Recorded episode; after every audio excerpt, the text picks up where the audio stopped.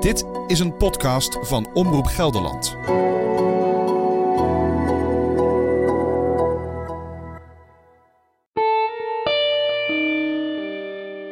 Wat fijn dat je luistert. Dit is een tussenaflevering van De Dood van Robert. Een podcast over een verwarde jongeman die op een februariavond opeens overleed. Mijn naam is Jenda Terpstra en samen met Ellen Kamphorst maakte ik de afgelopen maanden een zoektocht naar wat er die avond is gebeurd. Ja, het heeft een tijdje geduurd. Zijn we weer? Ja, we hebben heel veel mensen uh, die mailen en uh, appen en, en wat dan ook uh, om te vragen waar die vijfde aflevering nou blijft. Slecht nieuws, die is er nog steeds niet. Maar ter compensatie even een tussenaflevering. Ja, want om die vijfde aflevering te maken, moet eerst het Openbaar Ministerie haar onderzoek hebben afgerond. En daar wachten we nu op. En daar wachten jullie ook op. En daar wachten natuurlijk vooral de ouders van Robert op dit moment op. En um, uit dat onderzoek van het Openbaar Ministerie moet blijken wat de doodsoorzaak van Robert is. Tenminste, dat hopen we. En er moet ook uitkomen of de politie die ter plaatse was, uh, of die goed gehandeld heeft. En wij hopen er ook achter te komen wat er nou precies die avond is gebeurd. Want daar draait deze podcast om.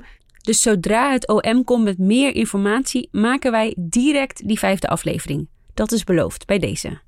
Ondertussen krijgen we heel veel reacties. Mensen die zichzelf ook herkennen in de situatie, zelf ervaring hebben gehad in een RIBW of de zorg hebben geleverd.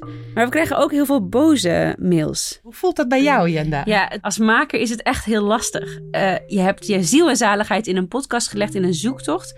En dan krijg je verwijten. Bijvoorbeeld het verwijt van sensatiezoeker of het verwijt dat je je niet verdiept hebt dat is pijnlijk. Ja, ja, of dat we de verkeerde vraag stellen, dat we uh, veel te veel voor ingenomen zijn.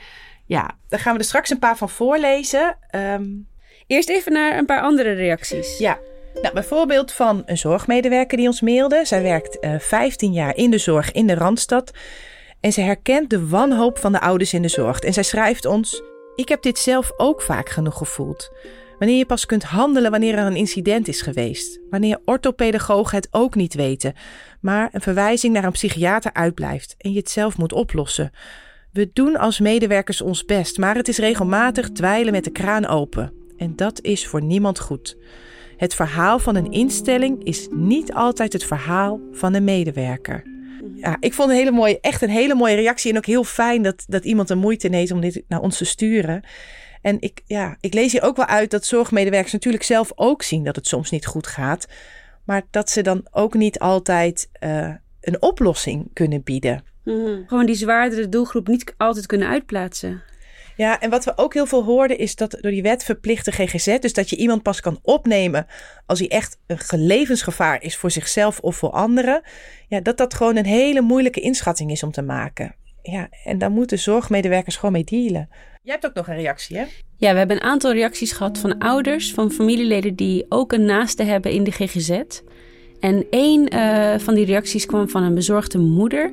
En zij schreef: Jullie verhaal is voor mij heel herkenbaar, omdat ik zelf een kwetsbare zoon heb die al bijna twee jaar verblijft in een voorziening voor beschermd wonen. Het is voor iedereen duidelijk dat hij hier niet op zijn plek zit, maar het vinden van een geschikte plek is zeer lastig. Ja, dus ja, er zijn gewoon. Roberts ouders zijn niet de enige die dit overkomt. Althans, die zich al langere tijd zorgen maken. Dat, lees ik hier uit. Ja, en ik moet ook wel zeggen dat dit onderdeel van het verhaal, van het verhaal van Robert, maar ook zelf het meest heeft geraakt. Dat ik denk, och jee, weet je, het zal je kind maar zijn. Die zal maar in een instelling zitten waar die niet op zijn plek is.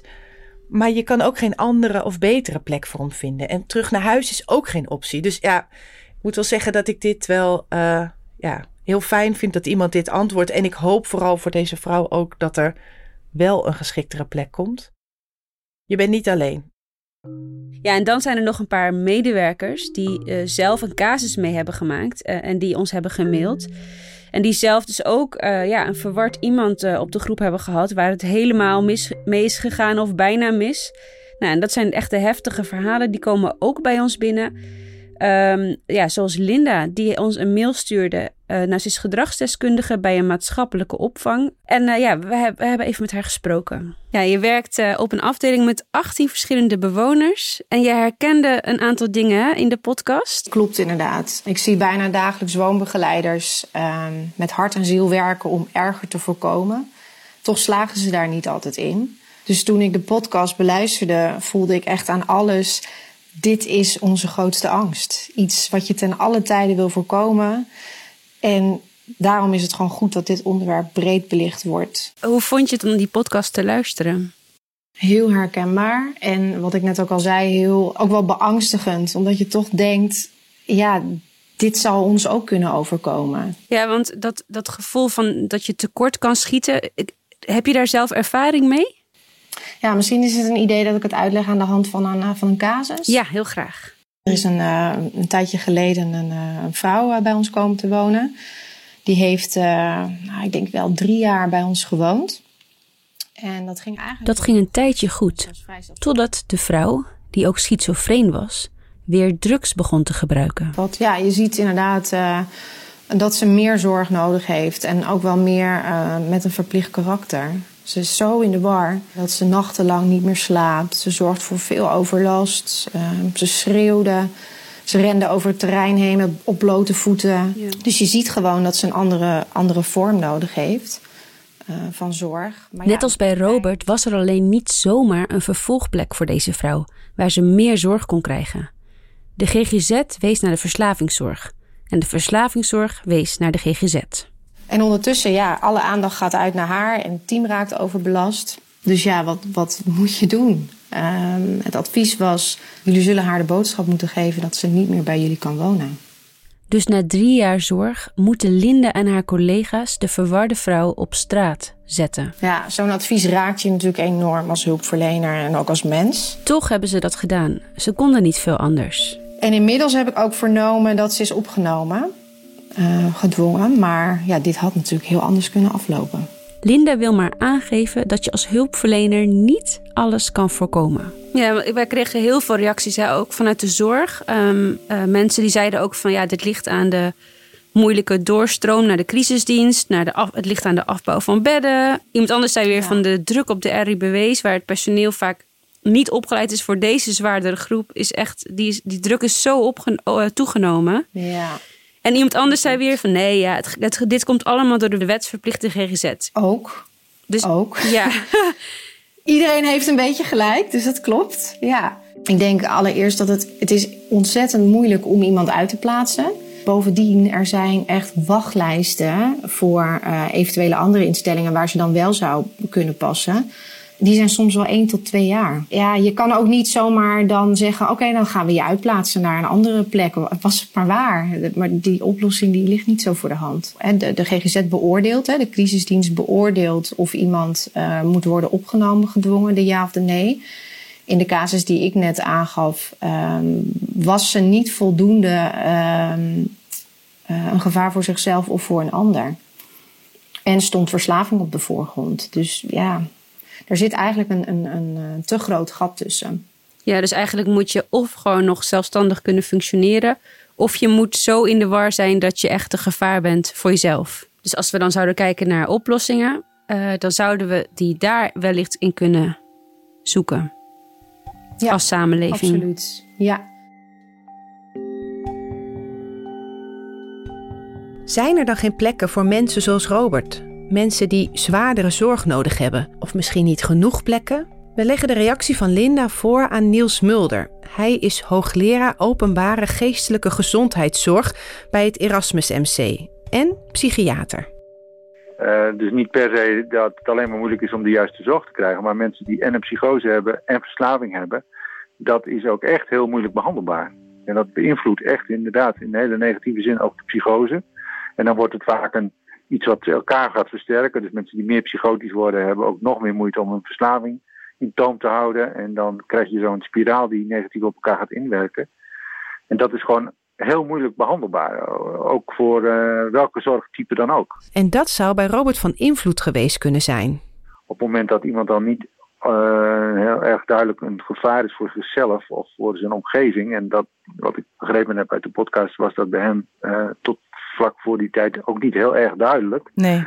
Uh, dan is een dwangsetting, dus een setting waar je iemand onder dwang behandelt, ook qua juridische procedures niet mogelijk. Hè? Iemand moet echt vanuit zijn stoornis een gevaar vormen voor zichzelf of een ander. En dan kan die gedwongen worden opgenomen en worden behandeld. Nou hebben we heel veel reacties gehad vanuit de zorg. Met allerlei adviezen over wat er anders zou kunnen.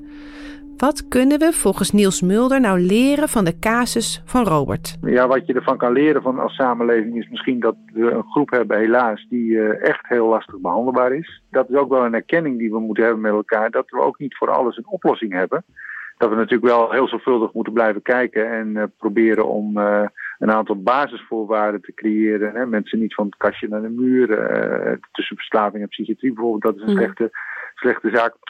dus daar valt zeker wat aan te verbeteren. Maar ja, qua inhoudelijke zorg is het helemaal niet zo makkelijk om deze moeten, te behandelen. Moeten we dan accepteren dat het af en toe misgaat? Ja, ja, dat is wel een hele belangrijke. Het gaat af en toe mis, ook in de uh, zorg voor mensen met uh, lichamelijke aandoeningen, hè, zoals bijvoorbeeld ernstige vorm van kanker, kunnen we ook niet allemaal behandelen. We geven daar ook de internist of de uh, IC-arts ook niet de schuld van, maar dat is dan, we kunnen nou eenmaal niet alles behandelen op dit moment. Dat is best heftig, hè Jan? Maar, ja, ik vraag me af, want... Misschien moeten we wel accepteren dat dingen af en toe misgaan. Weet je, het leven is niet maakbaar. Er gaan dingen fout. Ja, maar dat brengt ons elke keer weer bij hetzelfde punt, Elle. We hebben het hier al zo vaak over gehad. Ja, het kan zijn dat er niemand schuldig is en dat weten wij ook. Maar mag je die vraag dan niet stellen?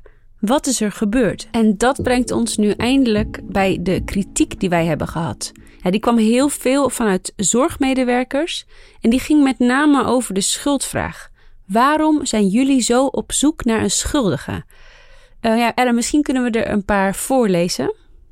Ja, bijvoorbeeld, het verhaal is interessant. Het is alleen heel jammer dat jullie zo op zoek zijn naar een schuldige en niet stilstaan bij de impact die deze calamiteit voor onder andere de zorgverleners heeft. Of ze proberen enige sensatie te maken en op zoek te gaan naar een schuldige. Of deze uh, aan de complexiteit van de casus wordt voorbijgegaan door te zoeken naar een schuldige. Schuldig, dat spreekt aan. Ja, Jenda, we zoeken een schuldige. Wat vind jij? Doen we ja. dat? Ja, de, kijk, allereerst Ellen, wij hebben hier natuurlijk ontzettend lang over gediscussieerd, over gepraat. Ik blijf vinden um, dat wij deze vraag moeten en mogen stellen. Wat is hier gebeurd? Wie heeft dit gedaan? Wij vroegen ook Linda even uh, wat zij hiervan vindt, vanuit de zorg gezien. Laten we er heel even naar luisteren voordat we hier verder over debatteren. Iedereen die in de zorg werkt doet zijn uiterste best om dit te voorkomen. Dit is de grootste angst van iedereen. Niemand wil dit. Uh, maar ik begrijp ook dat jullie op zoek zijn naar het antwoord van hoe hadden we dit nou kunnen voorkomen. Uh, ja, en dat vind je toch wel vaak bij waar is het misgegaan. Dus ik snap heel goed dat jullie die vraag stellen. Alleen ja, zo zwart-wit is het vaak niet. Ja, de hoofdvraag, de vraag van deze podcast is voor mij altijd geweest: hoe kan het dat een jongen in een zorginstelling op een plek waar hij veilig had moeten zijn, is overleden? En de antwoord op die vraag, die hebben we nu gewoon een jaar later nog steeds niet. Ja, en zoals ik al zei, ik vind dat wij die vraag uh, moeten en mogen stellen. Dat is onze taak als journalist. Als niet dit, wat dan wel? En ik vind ook dat wij uh, met zo'n vraag heel scherp boven tafel kunnen halen. Wat is hier nou misgegaan? Had dit voorkomen kunnen worden? En als het antwoord nee is, dan is dat ook een antwoord. Dat is ook goed. Wat ik heel belangrijk vind, is dat alle betrokkenen gewoon hun verantwoordelijkheid moeten nemen. Transparantie is, dat zie je nu in de Tweede Kamer met Mark Rutte, is gewoon het woord van deze tijd. En die transparantie, die gun ik de ouders van Robert ook enorm. En eigenlijk de hele samenleving. Want we moeten toch weten wat er gebeurt in die instellingen. Ja, maar het van tevoren al afdoen als leermoment, zonder dat je de feiten hebt, zonder dat je exact weet uh, wat er is gebeurd, dat lijkt ons uh, veel te weinig. En ja, daar zijn we gewoon vanaf het begin niet mee akkoord gegaan. Klaar voor nu. Blijf geabonneerd op onze podcast. En mochten we antwoorden krijgen, dan delen we die gelijk met jullie. We hopen dat jullie blijven luisteren, dat jullie geduld hebben. Dus blijf geabonneerd en we houden je op de hoogte. En wil je nou ook reageren? Graag, daar staan we echt voor open. Mail ons dan op robert.gld.nl.